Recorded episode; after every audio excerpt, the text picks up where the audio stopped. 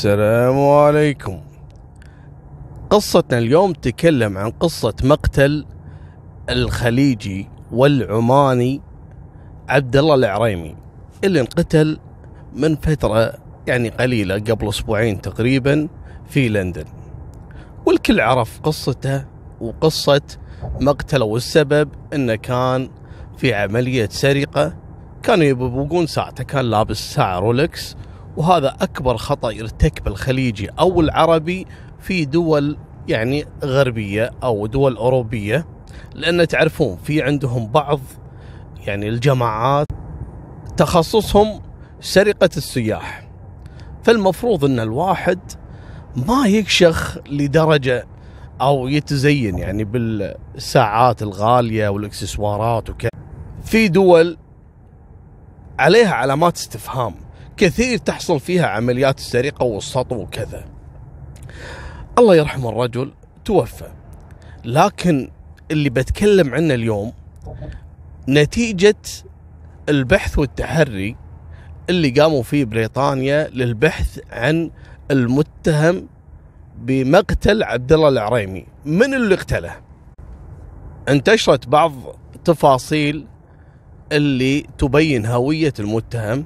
بعد ما ألقي القبض على واحد فيهم قبل تقريبا يومين ثلاثة وقالوا إن هذا كويتي.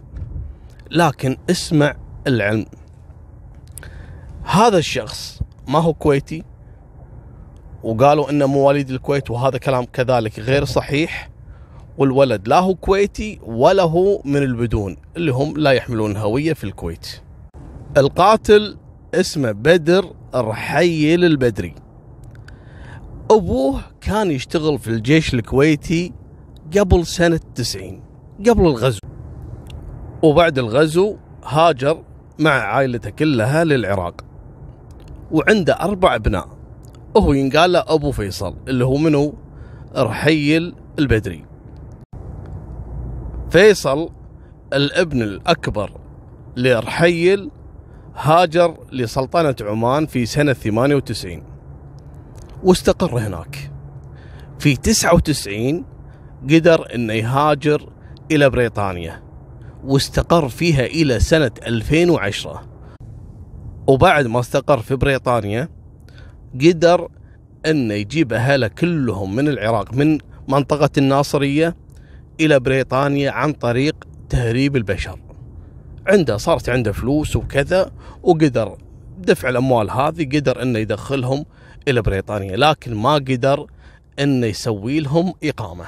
ليش؟ تعرفون نظام بريطانيا يخضع الشخص للمراقبة لفترة طويلة.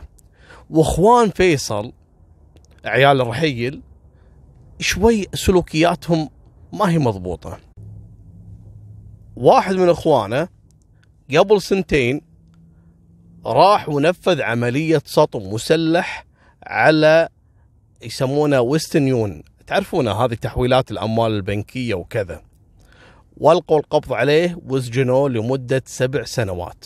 وكانت القضية مشهورة جدا في بريطانيا وكذلك لما انتشر الخبر قالوا انه كويتي وعايش في بريطانيا وسوى عملية السطو مسلح على الحوالات البنكية أو الحوالات المالية. وانسجن. الثاني اشتغل مع عصابة لتهريب البشر. يعني اللي بيهرب يدخل على بريطانيا وكذا عجبته الشغلة وطلع فلوس قاموا اشتغلوا وياهم. ألقوا القبض عليه بتهمة تزوير أوراق رسمية بتهمة تهريب البشر إلى بريطانيا. وسجنوه لمدة ثلاث سنوات. وكذلك لما ألقي القبض عليه قالوا إنه كويتي اشتغل في تهريب البشر وإنه مزور أوراق وكذا. بقى أخوه الثالث اللي هو بدر. بدر اللي في جريمة قتل العماني عبد الله العريمي. بدر هذا تو طالع من السجن بعد ما نفذ حكم لمدة سنة بسبب شجار مع أحد الفتيات. شنو حقيقة الشجار اللي حصل بينه وبين البنت؟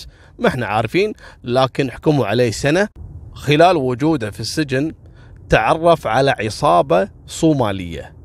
هذه متخصصة في عمليات السرقات ما السرقات. فاستخدموا بدر لأنه شكله خليجي. فقالوا له أنت راح تشتغل معانا علشان ترصد لنا الخليجيين لما يحضرون للسياحة وإحنا نتدخل في عملية السرقة. قال لهم okay. في أول عملية نفذها بدر رحيل البدري. كانت على الخليجي العماني عبد الله العريمي الله يرحمه وفعلا تهجموا عليه في أحد المقاهي بعد ما شافوه لابس ساعة Rolex. لكن أثناء مقاومة العماني لعملية السرقة ورفضه إنه يسلمهم نفسه وساعته قاموا سددوا له عدة طعنات وأخذوا منه ساعته وهربوا من الموقع. طبعا تم إسعاف عبد الله العريمي الله يرحمه لكن ما لحقوا عليه لأن الإصابة كانت قاتلة. بقى بس فيصل وأبوه رحيل. طبعا الأبو رحيل أبو فيصل آه، يذكر انه شخصية طيبة وما عنده مشاكل وما يعرف عياله أصلا شنو يشتغلون. بديره غربة ورجل شايب. يعني يلا يتحرك ويلا يطلع ويلا يجي. فما كان يدري بقصة الجريمة ارتكبها ولده بدر إلا بعد ما تم إلقاء القبض عليه. شلون ألقوا القبض عليه؟ اسمع السالفة.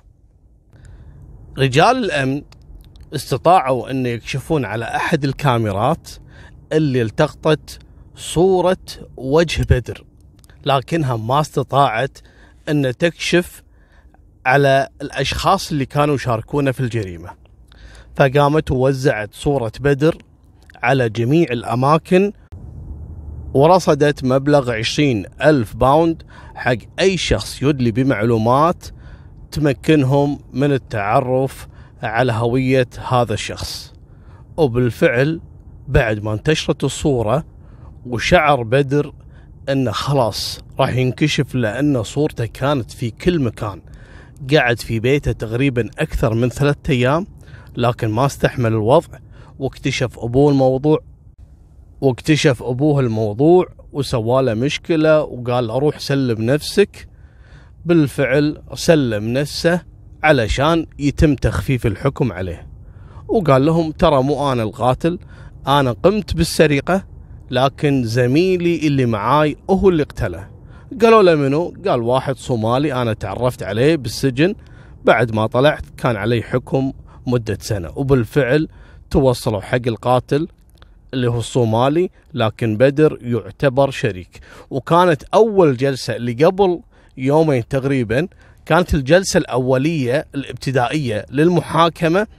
هذه كانت فقط للتعريف عن الجريمة والتعريف عن هوية القاتل. لما سألوه قالوا له شو اسمك؟ قال أنا اسمي بدر رحيل البدري وأنا كويتي. شنو قصة يقول لهم أنا كويتي؟ وهو قال لهم أنا كويتي. أنا بفهمكم شغلة. في بعض الأشخاص ما هم كويتيين طبعا عايشين يعني مثلا في العراق في سوريا في أي دولة ثانية. فلما يروح بريطانيا ويقدم على أوراق اللجوء شو يقول لهم؟ لازم يعني يخفي بياناته وإثباتاته الرسمية. فيستغل قضية البدون عندنا في الكويت إنه ما عندهم إثباتات. فيقول أنا ما عندي إثبات وأنا عايش في الكويت وعندهم قضية البدون المعروفة وكذا وكذا فعلشان كذي يقدر يحصل على اللجوء. طبعا هو عنده خبرة لأن أبوه قبل الغزو كان في الكويت وكلهم هو وإخوانه كان كل ما يسألونهم يقولون إحنا كويتيين لكن هم فعلا عراقيين من مواليد العراق الناصرية. وهني انتهت قضية مقتل الله يرحمه الخليجي العماني عبد الله العريمي الله يصبره هلا وهذه نهاية سالفتنا وفي أمان الله مع السلامة.